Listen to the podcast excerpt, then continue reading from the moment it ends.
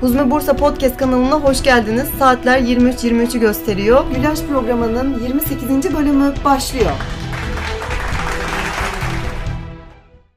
Ee, Yeni bir bölümle karşınızdayız. Tekrardan hoş geldiniz. Bugün yine çok güzel bir konuyla geldik. Bugünkü konumuz şükür. Aslında şükür konusu birçok konuyla bağlantılı bir konu. Yani hangisini işlersen sonucunda yine şükre bağlanıyor bir şekilde değil mi? Biz hep Kapsamlı bir konu. Aynen çok kapsamlı. Sadece yemek, içmek, gezmek için gelmiş olamayız. Sonuçta bir gayemiz var diyoruz, yaratılış gayemiz. Ve bu gayenin içinde işte ibadet etmek, Allah'ı tanımak aslında bunların hepsinin kapısı şükre çıkıyor. O yüzden de şükür konusuna ya da şükür kavramına direkt insanın yaratılış amacı, o e, üstadın da dediği gibi hilkatin en yüksek gayesi diyor mesela. Yaratılışın Evet. en yüksek gayesi olarak Şükür diyor. şükür diyebiliriz. Biraz bunun üzerinde konuşalım, değerlendirelim. Şükretmek ya da mesela hani sayfalara falan bakıyoruz ya işte böyle kişisel gelişim sayfalarına minnet duygusunu geliştir. Hı hı. Hep bu tarz işte telkinler var. Bu tarz bazı olumlamalar vesaire. Aslında dinle bir bağlantı kurmadığında bile e, ahlaken ya da insanın fıtri ihtiyaçlarında gerçekten bu şükrün olduğunu görebiliyorsun. Bunun üzerine birazcık konuşalım bugün. Şükür bazen sadece nimetlere gösterilmesi gereken bir şeymiş gibi zannedilebiliyor ama musibetlere bile kişinin şükretmesi lazım aslında veya hastalıklara. Çünkü Daha hani kötüsünü düşünerek belki değil mi? Evet çünkü Risale-i Nur'da hastalar risalesinde üstad hastalıktan bahsederken ey şekvacı hasta diyor mesela. He, ey şekvacı hasta diyor. Hani orada aslında şikayetten ziyade şükre seni sevk etmeye çalışıyor. Bu hayatın her tarafında ve her kesiminde böyle. Bazen nimet gelir o nimet şükrü ister. Bazen bir musibet gelir o musibet de şükrü istiyor. Biz zannediyoruz ki sadece nimetlere yapılması gereken bir şey ama musibet de bize çok şey kattığı için ki onun gerçek hani bize kattığı şeyi görseydik onu kat be kat isterdik hani musibeti hastalığı. Ama gerçi musibet istenilmez. Verildiği zaman şükredilir. Ama baktığın zaman gerçekten o bütün bu hayat içerisinde verilen nimetler içerisinde, rızıklar içerisinde bizim şükrümüz aslında kainattaki sahip olduğumuz her şeyin bir teşekkürünü iletme metodu. Yani bunun en önemli e, yapıp etmesi de aslında namazla oluyor. Hani şükrün en büyük göstergesi namazdır aslında. Çünkü bir insan bile sana bir iyilik yaptığı zaman bir teşekkürü borç biliyorsun. Yani diyorsun ya teşekkür etmeyi unuttum veya işte bak bu kadar bana iyilik yaptı veya bu kadar güzellik yaptı. Bir hani e, görseydim, sarılsaydım, teşekkür etseydim. Neden? Çünkü o minnet duygusu bir insana karşı bile, bir faniye karşı bile oluşuyor ki onu ona o iyiliği yaptıran da Cenab-ı Hak. Ama gel gelelim hakiki nimeti vereni unutup o şükrü bazen gerçekten es geçebiliyoruz yani. Ve hatta tam tersi şekvaya gidebiliyoruz nimetler üzerinde. Bir de zaten şöyle hep elimizde olmayanlara odaklı yaşıyoruz. Yani nerede sahip olamadığımız, ulaşamadığımız bir şey var hep gözümüz orada. Hı hı. Ee, bu yönde de sahip olduklarını düşündüğünde onlara mesela her sabah o şükürle başladığında belki de güne senin için bir terapi oluyor. Bu şükür dersini yeni dinlediğim bir zamandı. Ee, annemin bir arkadaşı bana kolye göndermiş annemin vasıtasıyla. Ben de bir şekilde ona teşekkür edemedim. O dersi dinlediğim işte dönemden sonra şunu fark ettim. Kadına karşı durmadan bir mahcubiyet içinde. Ya bir türlü bir arayamadım, bir teşekkür edemedim, bir mesaj dahi atamadım diye kendime kızıyorum. Sonra durdum ve şunu düşündüm. Ya bir insan ufacık bir hediye ve bunun karşılığında nasıl bir mahcubiyet hissediyorum. İnsan şunun farkındalığına varıyor. Diyorsun ki yani o kadar nimetin karşılığında sen belki hakkıyla şükredemiyorsun. Belki çoğu zaman hiç şükür bile etmiyorsun. Ama hiç böyle bir mahcubiyet içine giriyor musun? Aslında insanın birazcık farkındalığa bile sebep olabiliyor şükür risalesi. Bir de bunun yanında şey insan şükrettikçe hem nimet artıyor hem de şükredebilecek daha çok şeyi fark edebiliyorsun. İşte bir insanın bence musibete bile şükredebilmesi aslında e, bir yerden sonra hep şükür halinde olmasının sonucunda olan bir şey aslında. Benim aklıma hep böyle şükürle ilgili konuşurken iki türlü ev geliyor. Yani şükreden ev ve şükretmeyen ev olarak çocukluğumdan beri böyle zihnimde bir şey var. Yani hayal hep böyle aklıma gelir şükürle ilgili konuşurken. Her şeye sahip bir aile, maddi açıdan eksiği olmayan, ne bileyim işe gidip gelen, sağlıkları yerinde, sıhhatleri yerinde ama sürekli birbiriyle kavga eden bir çift. Sürekli birbirini tenkit eden, sürekli birbirini eleştiren, çocuğun mutsuz olduğu, huzurlu olmadığı bir aile ortamı gelir. İkinci olarak da belki yatalak bir hastası olan bir ev, maddi durumlarının çok iyi olmadığını böyle hayal ederim ve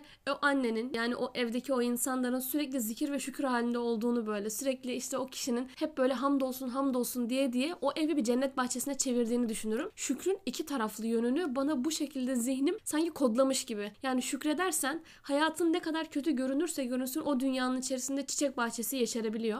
Hayatın ne kadar güzel görünürse görünsün sana azap haline gelebiliyor. Yani şükür aslında senin hayata karşı, kainata karşı bakış açını değiştiren bir unsur. O yüzden eğer şükretmiyorsak şükretmediğimiz e, nimetler kadar azap çekiyoruz. Elimizde ne varsa şükrünü yapmadığımız o her şey bize böyle bir bıçak gibi darbe vuruyor resmen. Evet. Ben işte iktisat, kanaat, şükür bunların hepsini birlikte araştırdığım bir dönem vardı. Üstad bunlar hakkında özellikle şükür hakkında şey diyor. Orası çok dikkatimi çekmişti. Nimetteki lezzeti hissettirir diyor. O cümlenin devamında şöyle diyor. Lezzetli olmayan nimetlerdeki lezzeti bile tattırır. Yani normalde belki de küçük bir şey. Hani e, hatta diğer insanların gözünde hiç değeri olmayan bir şey ama o şükürle gerçekten de onu gördüğünde, hissettiğinde hatta vereni tefekkür ettiğinde çok küçük bir şey olsa bile inanılmaz bir lezzet hissediyorsun o şükürle. Her şey kıymetleniyor. Ama öbür türlü e, her şey değersiz oluyor gözünde. Bir de şeymiş gibi hani şükür insanda bir nevi böyle polyanacılığı ortaya çıkartıyormuş gibi geliyor bana. Yani 8. sözde iki kardeş var ya üstad şey diyor ikisi de aynı bahçeye girdiler. Hı hı. Biri diyor durmadan dikene, böceğe, solmuş olanlara takıldı diyor ve o bahçeden bir şekilde kaçtı. Hı hı. E, zarar gördü ya da işte mutsuz oldu. Hatta midesi bulandı istifra etti diyor yani. Evet aynen.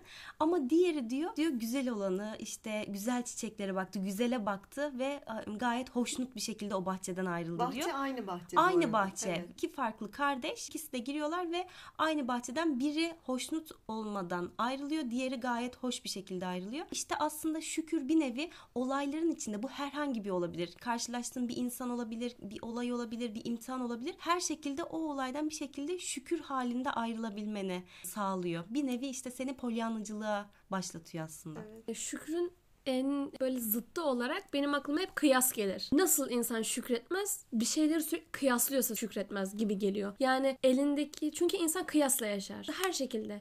Yani bakıyorsun sağlık noktasında bile değil mi? Hep bir kıyas halindeyiz. İşte iki sene önceki halimden işte şu an çok daha hasta durumdayım diyorsun. Veya işte başka insanlara bakıp kıyas yapıyorsun. Çocuğuna bakıyorsun yeni doğmuş diğeri daha şişman mesela. Ay nasıl büyümüş çocuk benimki niye küçük? Hep bir kıyas halindeyiz değil mi? Sen şimdi yeni Evet, anne olduğun için aynen. daha iyi anlarsın. Veya ne bileyim malı çok olana bakarsın dersin ki ya bende niye yok dersin mesela. Ya insan hep kıyas halindedir. Yani kainatta hep böyle işliyor sistem. Evet kıyaslamamız lazım ama nasıl kıyaslamamız lazım? Eğer insan nimetlerde ve şükretmesi gereken şeylerde kendinden aşağıdakilere değil de yukarıdakilere bakarsa şükretmesi mümkün değil. Çünkü e, hep yetersiz hissedecek, hep eksik hissedecek. Hiç sanki o nimetler ona verilmemiş gibi belki de şekvacı olacak, şikayet edecek, isyan halinde olacak. Çünkü niye? Hep yukarıya bakıyor. Yani kendinden nimet noktasında hep yükseklere bakıyor insan.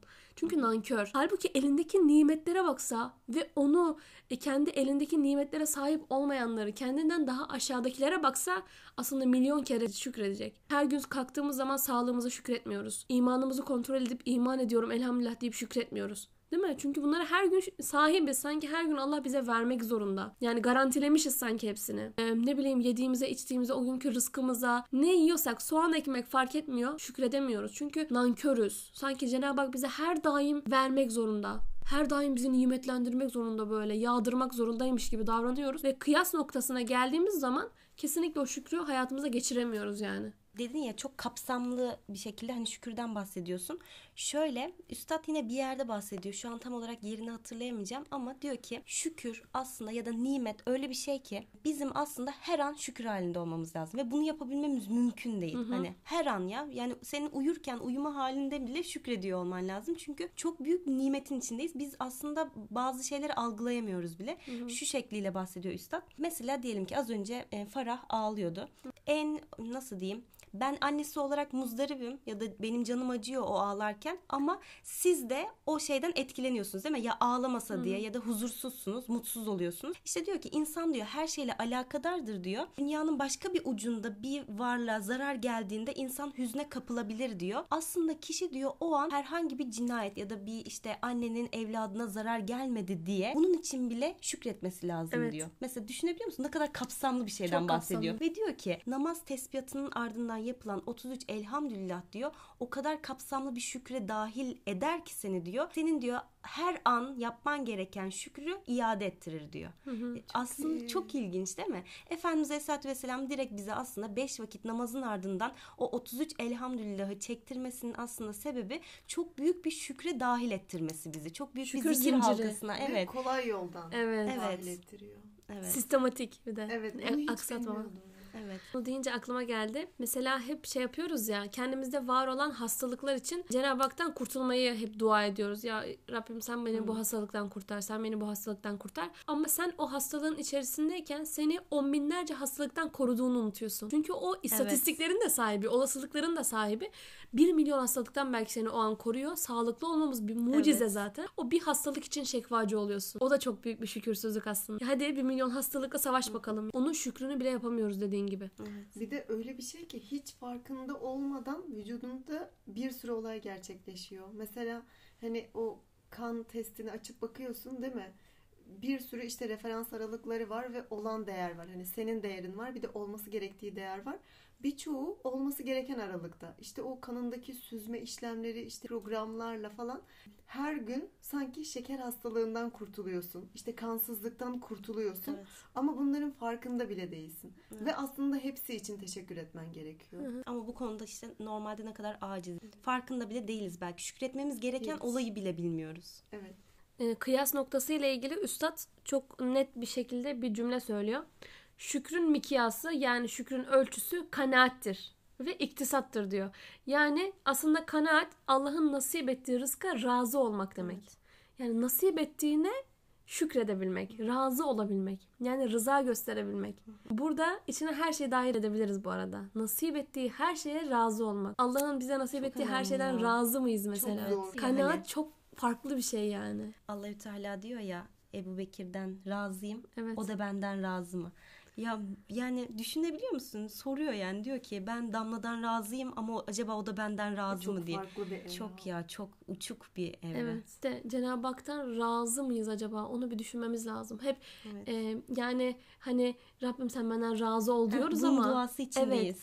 Sen Cenab-ı Hak'tan razı olabiliyor musun bakalım? Onun verdiği nimetlere şükredebiliyor musun yani? Şey gibi hani Bükre beni sever misin falan diyorum. Sen diyorsun beni seviyorum ben seni sevmiyorum diyorum Evet, gibi evet. bir şey yani. gibi evet. Ve iktisattır. Yani tutumluluk baktığın zaman. Verilen nimeti aslında. Evet. e, olması gerektiği gibi kullandığında sen onun şükrüne eda edebilmiş oluyorsun. Evet. Düşünebiliyor musun? Bunu olarak. duyguları bile katabilirsin yani her şeyi. Evet. Gözünü Zaten- yani verilmiş olan gözünün sen şükrünü aslında olması gerektiği şekliyle kullandığında şükrüne eda etmiş oluyorsun. Aslında çok kolaylaştırılan da bir şey. Evet. Yani harama baktığında şükürsüz davranmış oluyorsun. Çünkü iktisatsızca çünkü olması gerekenin dışında kullandın. Ama sen atıyorum onunla Kur'an okuyabilirsin. İşte mesela gözünle Kur'an okuyabilirsin ya da işte tefekkür edebilirsin. O zaman ne oluyor? Direkt şükrüne eda edebilmiş oluyorsun. İktisat biraz da evet olması gereken yönde kullandığında da girmiş oluyor. İşte şükür dediğimiz zaman yani teşekkür edebilme hali aslında. Ya bazı insan teşekkür edemez mesela. Edemez. Gururu ona izin vermez yani. Veya öyle bir enaniyet vardır ki kişide insanlar ona ne kadar iyilik yaparlarsa yapsınlar Allah razı olsun teşekkür ederim diyemez mesela. Kendini onları hak görür. Aynı şekilde biz bazen Cenab-ı Hakk'a karşı bile bunu yapabiliyoruz. Ya vermek zorunda zaten her sabah ben uyandığım zaman nimetler içinde uyanmak zorundayım diye bakıyoruz. Yani o kadar enaniyetli ve o kadar acziyetimizin ve fakriyetimizin farkında değiliz ki şükredebilme sebebi bile bulamıyoruz kendimizde yani. Zaten yok ki bende diyor mesela. Yok ki hiçbir şeyim yok ki. Halbuki nimetlerle donatmış Cenab-ı Hak. Kaldı ki Üstad bir yerde diyor ya sen taş olmadın. Bir bitki değilsin. Bir Evet. hayvan da değilsin. Sana insaniyet mertebesini nasip etmiş Cenab-ı Hak ve insaniyet mertebesinin içerisinde iman nasip etmiş. İslamiyet nasip etmiş. Yoktuk biz. Yoktuk. Ve biz olmasaydık da hiçbir annemiz babamız Bükre nerede kaldı doğmadı hala deyip üzülmeyecekti. Özlemeyecekti. Ya Cenab-ı Hak seni sevdi. O kadar çok sevdi ki yarattı. Yani sana başka hiçbir nimet vermemiş olması bile ki öyle bir şey yok. Hiçbir nimet vermese bile seni dünyaya getirmesi yani yoktan hiçten seni var etmiş olması seni en çok sevenin seni bu dünyaya göndermiş olması zaten ne kadar şükretsek yetmeyecek bir hal. Bunu bile fark edemiyoruz yani. E daha fazlasını vermediği sürece nankörüz Allah'a karşı. Şükür nimeti ziyadeleştirir. Nimet şükür görmezse gider. Gider. Evet. Hani orada artmasında ve yok olmasındaki sır oradaki anahtar şükür, Şükür. resmen. Ya şükür e, yapamıyoruz zaten de. Ya böyle bazen düşünüyorum gerçekten. Ya Cenab-ı Hak nimetlerini yağdırmış. Yani ne kadar imtihanlar olsa da hak etmeyeceğimiz bir hayat nasip etmiş. Hiçbirimiz hak etmiyoruz bu kadar nimeti. Çünkü bu nimetlerin karşılığı olarak hiçbir şey yapmıyoruz. Hiçbir şey. Yani yaptığımız bir teşekkür hani şükür başka hiç maddi bir şey istemiyor Cenab-ı Hak veya seni yoracak, bitirecek bir şey istemiyor. Sadece ufak tefek böyle şükür kapıları, namaz gibi, ibadet gibi, dua gibi değil mi? Bu tarz küçük küçük böyle yapıp etmeler bedenimize bile ağır gelmeyen şeyler istiyor. Baktığın zaman onun verdikleri karşısında bunlar hiçbir şey kalıyor. Karşılamıyor zaten. Karşılamıyor. Yani. E, yapmadığın zaman tamamen nankör oluyorsun yani. Evet. Tamamen. Bazen tabii bu bu kadar nimetin olması bunu yapmıyorsan istidraç da oluyor. Allah hep çok sevdiğine mi verir? Hayır. Bazen en sevmediğine daha çok verir. Firavuna daha çok verir değil mi? Veya işte zalime daha çok verir. Bakıyorsun ben bu kadar nimetler içerisindeyim. Sorması lazım kişinin kendine. Bu kadar rahatlık içerisindeyim. Çok zengin olmama gerek yok. Elim ayağım tutuyor mu? Gözüm görüyor mu? Aklım algılıyor mu? Dilim konuşuyor mu? Bunlar bir nimettir. Ben bunları hak edecek ne yaptım? Yani veya bunların karşılığında bir şükür gösterebiliyor muyum? Şükredebiliyor muyum hakiki şekilde? Yoksa Cenab-ı Hak bana daha çok verdiği halde ben daha da mı çok ibadetsizliğe sürükleniyorum? Daha da mı çok günahlara giriyorum? Şükür etmenin yanında bir de şekva etmenin, nankörlük etmenin ayrı bir tarafı var. Acaba kişi şükre mi yakın yoksa nankörlüğe mi yakın? Bunu da bir kontrol etmesi gerekiyor. Dedin yani şükrün mikyası, kanaat, iktisat, rıza ve memnuniyet. Üstad bir de şükürsüzlüğün de mizanını söylüyor. O da hırs, israf, hürmetsizlik ve haram helal demeyip rastgele saldırma. Kişinin hani şükrediyor muyum diye bende kanaat var mı işte ya da iktisatlı mıyım rıza gösteriyor muyum Rabbimin verdiklerine ya da işte memnun muyum öyle mi davranıyorum diye sorgulamasının yanında bir de şuna da bakabilir hani bende hırs var mı ya da ben Hı hı. israf ediyor muyum ya da hürmetsiz miyim hani bunları sorgulayabilmemiz gerekiyor. Evet. Kişinin bir o aynayla yüzleşme aynasıyla bir yüz yüze gelmeli yani. Evet üstadın bir minare örneği var ya. Biri olsa bir adam olsa ve sana her bir minare basamağına çıktığında bir hediye verse. Bir minare basamağına çıktığında bir hediye verse ve bunu hiçbir çıkar karşılığında yapmasa ve seni e minarenin en üstüne çıkarsa ve seni nimetlerle donatsa oraya çıkana kadar. En üste çıktığın zaman yandaki minareye bakıp bu minare daha uzun neden beni diğer minareye çıkartmadın diye söyleyip nankörlük eder misin yoksa onu teşekkür mü edersin? Değil mi? Biz tam tersini yapıyoruz. Hep o kıyas noktasında diğerlerine bakıp hep bir şekva halindeyiz. Onda var bende niye yok? Ben niye onun kadar güzel değilim? Ben niye onun kadar zengin değilim? Ben niye onun kadar başarılı değilim? Ben niye onun kadar rahat içinde değilim? Niye onun kadar güzel arkadaşlarım yok? Niye onun kadar güzel bir ailem yok? Hep bir şekva ve hep bir nankörlük peşindeyiz. Cenab-ı Hakk'ın verdiğinden çok vermediğine odaklanıyoruz. Evet. Çünkü şeytan onu daha çok seviyor. Damla sen hani dedin ya üstad hani diyor şükür nimeti ziyadeleştirir diye. Hatta eğer şükür görmezse nimet gider. İskemle örneğini veriyor ya üstad. Mesela bir yere gittin sana işte bir yer gösterdiler. Sen o yeri beğenmedin. En yükseğine, en güzeline, şaşalısına gözünü diktin. O hani karşı tarafta belki itici kaçabilecek ve hatta nasıl diyeyim oturtacaksa bile oturtmaz seni yani. Hı hı. Hani niye verdiğimle yetinmiyorsun tarzında. Ama biri de vardır gayet mütevazi. Yok yok hiç gerek yok ben burada da otururum dediğinde hani merhametini celbeder daha çok veresin gelir. Aslında insan o pozisyona geliyor. Yani sen şükrettikçe belki daha çok nimetimi vereyim arttırayım pozisyonunda oluyorsun. Öyle bir kul haline dönüşüyorsun. Ama şükür görmedikçe bu sefer o itici bir hale geliyor. Hı hı. Bir de şöyle yaşadığımız çağda hani hep daha fazlasına ittiği Evet. için gerçekten bunu korumak zor. Yani Hı hı. duyumsuzluk çünkü işte şöyle e, bir evim olsun şu evi alayım başka hiçbir şey istemeyeceğim ama Yalan. asla öyle kalmıyor. Yani hep daha fazlası hep daha fazlası bu tüketimde insanı çok büyük şükürsüzlüğe götürüyor. Kesinlikle. Elindekini asla görmüyorsun çünkü kendinden hep yukarıdakilere bakıyorsun. Evet. İşte medya değil mi? Hep Sosyal yani medya. bunları aynen. E, sana öğretiyor yani. Bir de üstad şey diyor. Şükür içinde diyor çok safi bir iman var diyor. Evet. Neden? Sen orada şükrediyorsun ya. Sana verilmiş o nimette sen o nimete odaklanmıyorsun. Onun arkasındaki o kudret elini görüyorsun. Ya diyorsun ki mesela sana bir elma verin. Sen o elma işte tadından, renginden falan diye değil de bana bunu Rabbim yollamış. O Evet. gözle bakıyorsun. Yani aslında o elmanın yaratılış amacına da doğru şekilde kullanmış oluyorsun. Çünkü o onun için yaratıldı zaten. Orada Cenab-ı Hakk'ın elini görebilmek aslında. Aynen onun nimetlendiriciliğini görebilmek. Evet. Bazen mesela çocuklarımızda oluyor değil mi? Uyuyor mesela. Bakıyorum tamam mı? İzliyorum çocuğu. Diyorum ki yani benim bu çocuk üstünde hiçbir tasarrufum yok. Çünkü ben yapmadım. Onu karnımda büyütüp beslemedim. Dışarı çıktığında hiç tehlikelerden koruyabilecek potansiyelde değildim. Gözünü, kulağını, burnunu bu kadar orantılı şekilde mümkün değil bana ver yap deselerdi yapamazdım. Seninle çömlek yaptık ne hale geldik Evet. hatırla. Yani bir çocuk üzerinden bile bir tefekkür ettiğin zaman diyorsun ki ya Rabbi hani neler nasip ediyorsun ve bu nasibin içerisinde ne kadar güzellikler derc ediyorsun. Sadece verip fırlatıp atmıyor. En güzel surette veriyor. En güzel, en sevimli şekilde veriyor. Rızıkları bile yani üstad diyor ya o şeker tulumbacıklar diyor, işlerli tatlı köfteler diyor o meyveler için veya işte ne bileyim ya bir ağaç değil mi? Bir nimet veriyor sana görüntüsü dahi hoşuna gidiyor. Kokusu hoşuna gidiyor. Lezzeti ayrı, vitamini veya minerali ayrı. Yani al bunu veya kuru bir odun parçasıyla da beslenebilirdik. Hiçbir nimet Tek çeşitliliği ya, tek bir olmayabilirdi. çeşit, aynen tek bir Evet. çeşit olabilirdi yani.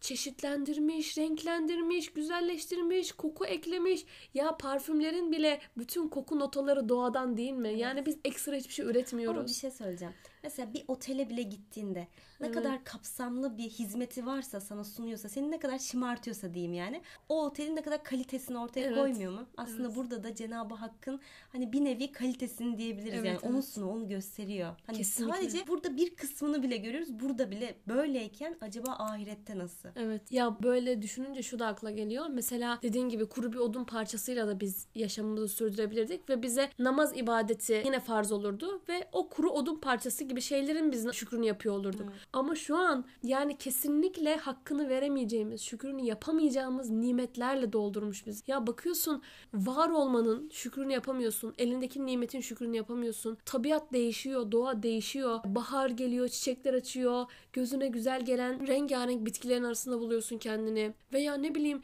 çocuğun büyüyor, onun yetişme, yetişkinlik çağına kadar onu gözlemliyorsun. O bir nimet olarak yanında. Bedenin sağlıklı, her sabah aynaya baktığında canlı bir beden görüyorsun. Aklın çalışıyor veya ne bileyim kalbin hala atıyor ve hissetmeye devam ediyor. Yani biz bunları, bu temel şeyleri şükür etme zorunda olmadığımız şeyler olarak görüyoruz. Sanki Allah maddi olarak verdiğinde teşekkür etmemiz lazım da tarz şeylerde yani ne bileyim beden gibi, evlat gibi şeylerde sanki gerçekten şükretmemize gerek yokmuş gibi zannediyoruz. Halbuki biz hiçbirini sokaktan bulmadık. Hiçbiri gelip bize bunları hediye de etmedi. Hepsi Cenab-ı Hakk'ın bir rahmeti. Ama o rahmeti görmediğin sürece nankörlükten kafamızı kaldıramıyoruz. Ben bir şey anlatacağım. Bir anı. Kendi anım değil ama çok sevdiğim bir arkadaşımın anısı baş harfi S. Tanıyanlar vardır. Biliyorsunuz Seda'mız Onu çok seviyoruz. Buradan sevgilerimizi Evet. gönderiyoruz. Bunu anlattığımız için bize çok sevdiğini de biliyorum yani. Da sevgisi katlanarak artacak. Hayatının bir döneminde Seda bir uyur gezerdi. Ee, ve evlerinin dördüncü katından uyuyarak aşağı atlıyor Seda. Ya böyle bir şey olabilir mi ya? Çok yazık ya. Şuna şükrediyordu Seda. Ya havada uyansaydım. Allah'ım bismillah. Ee, yere düştüğü an en azından hani o çarpmanın etkisiyle uyanıyor ve Kendi En azından stabil. uyanıyor. en azından stabil o an. Mesela hani havada değil. Çok yazık. Ben çok ben hiçbir şey demeyeceğim daha. Ama havada uyanması çok büyük bir travma bu arada. Gerçekten Çok, uçtuğunu. çok kötü. Ben erdim. Uçarken Nerede benim aklım? Düşmeden önceki konumu da şu. Namaz kılmış terasta güzelce Kur'an'ını okumuş ve seccadenin üzerinde uyuyakalmış. Koruması olmadığı için bir şekilde düşüyor ve arabanın üstüne düşüyor zaten dördüncü kattan. O arabada bayağı bir hasar görmüş bu arada. Seda'da da Film hasarlar gibi var. ya. Evet. Şu an Seda'da Allah'a şükür hiçbir şey yok. Yani bizden sağlam O maşallah da bir var. mucize. O da bir mucize ayrı ama şükrediyor hani ya havada uyansaydım diye. Gerçekten. Ve şunu anlatıyor. Düşmüş ve e, düştükten sonra ambulans gelmiş. Seda o kadar bilincinde ki durumun e, TC'sini ambulansa kendisi vermiş. Ya böyle bir şey olabilir mi ya? Bir arabanın üstünde olduğunuzu düşünün. 5-10 dakika önce dördüncü kattan aşağı düştüğünüzü düşünün ve bilinçli bir şekilde 190, 587 falan deyip böyle TC'ni okuduğunu düşün yani. O da bir şükür sebebi ya. Evet, Zihni yerinde kesinlikle. yani. Bir de Seda bu arada Muşlu ambulansın arkasından bir aşiret geliyor. Bir sürü arabalar ambulansı takip ediyor. Damar yolu açmak için mi hani bir durdurmuşlar. Ailesi de Seda'yı öldü zannediyor. Hatta böyle arabalardan inip ambulansa koşuyor hepsi. Sonra hani şey zannediyorlar. Seda öldü ambulans geri ge- dönüyor. Dehşetli hatta Seda diyor ki o an hani annemin o şeyini bağırışlarını falan hiç unutamıyorum diyor yani. E, O çok büyük bir travma. korkunç bir şey. Ama elhamdülillah ya Seda hani Evet. iyi Rabbim korumuş yani. Şu an mesela şeymiş eve hala mesela üstünden kaç sene geçti. Atıyorum bir bayramda ya da öylesine bir ziyarete gelen insanlar önce Seda'nın düştüğü balkona gidiyor. Orayı bir görüyor hani müze gibi ziyaret ediyor. Ee, olay orada anlatılıyor ilk günkü tazeliğiyle. Sonra hani muhabbete devam ediliyor. Durum bu şekildeymiş. Ben de merak ettim ama. Yani o balkon. Evet ama ondan sonra tabii korkuluk yapılıyor çok Hmm. güvenli bir şekilde. Ama ne kadar büyük bir imtihan aile için ya. Gerçekten. ya, çok cidden. yani. Yani ben şu an kendi çocuğum üzerinden düşünmek zorundayım. Yani mesela insan şöyle yani artık bir şükür sebebim daha oldu. Uyandığımda bir arabanın üstünde uyanmadığım için hamdolsun Evet bunun tarzında. için bile bu bölümün sonunda şöyle şükredeceğimiz şeyleri tekrar bir hatırlayalım değil mi? Herkes kendi hayatında o nimetleri en küçükten en büyüğe kadar birazcık böyle tefekkür edelim ve gerçekten ciddi anlamda şükredelim. Bu arada bölüm sorusunu sormadık. Biz şimdi Seda'nın bu hikayesinden yola çıkaraktan diyelim ki sizin hiç başınıza öyle bir olay geldi ya da öyle bir şey oldu ki aa ben bunun için hiç şükretmemiştim ya da iyi ki böyle olmamış dediğiniz bir şey oldu mu? Yorumlarda bekliyoruz. Sen sumo bebektin değil mi? Sumo Ay mu? evet gerçekten. Edibe'nin küçüklük fotoğrafları o kadar tatlı ki. Yani tanın yani asla şu anki halimle alaka yok. alakası yok. Sumo ya, sumo bebek. Kesinlikle çok tatlı. Ama işte şey hani yani gerçekten sumo ama hani. Evet çok sumosun. Evet. Maşallah. Ne, sanki böyle şey yanaklarımdan nefes alamıyormuşum gibi. Oturabiliyor muydun? Enteresan bir konuşmalar oluyor 5-10 dakikada. Mesela benim kardeşim oturamıyormuş. Hadi Ee, katlanamıyormuş Gerçekten. göbeği. Ee, Benim bebekliğime dair en güldüğüm şey annem diyor ki düğüne giderdik o gelinin hani bir yürüyüşü var ya o köşeyi döndüğü anda sen çığlığı basardın diyor. Neden onu ayrıştırmışım mesela? ama beyazlar içinde biri yani. evet Gerçekten ama çok enteresan. korkuyormuşum. Yani o yüzden çok götüremiyormuş. Götürse de hani o anda beni hemen başka bir türlü çeviriyor yani ve gelini görmemem gerekiyormuş yani. Allah çok Allah. ilginç. Ee, yayınımızın sonuna geldik. Çok keyifli ve güzeldi bence. Buradan Seda'ya tekrar sevgilerimizi iletiyoruz. Öncelikle e, kestane balının diyarı e, Zonguldak Gökçebey Pazarlıoğlu köyünden tüm dünyaya selamlar. Evet. Anekdotumuza renk kattı. Her Gerçekten zaman öyle. olduğu gibi. Ben Sedalı bölümleri çok seviyorum. Evet. Ben de ya. Şimdi fark ettim de gerçekten en çok güldüğümüz, eğlendiğimiz Kesinlikle. e, ve ders çıkardığımız Şöyle, bölümler bölümler Seda'nın olduğu Sizin bölümler. Sedalı hani Seda'nın bir önceki hani bahsettiğiniz bu hani poğaça meselesi o yayını ben evdeydim dinlerken ve o kısmı defalarca başa sardım. Canım sıkıldığında moralim bozulduğunda defalarca o kısmı açıp dinledim. Ya net söylüyorum bunu. Yani Seda gerçekten iyi ki varsın. Evet, Bence benim de şükredecek sebebim sensin. Ben böyle olduğunu düşünüyorum. Oo. Gerçekten. Kral. Kralsın. Evet, yarın başka bir konuyla aynı saatte burada görüşmek üzere. Hoşça kalın. Allah'a emanet olun.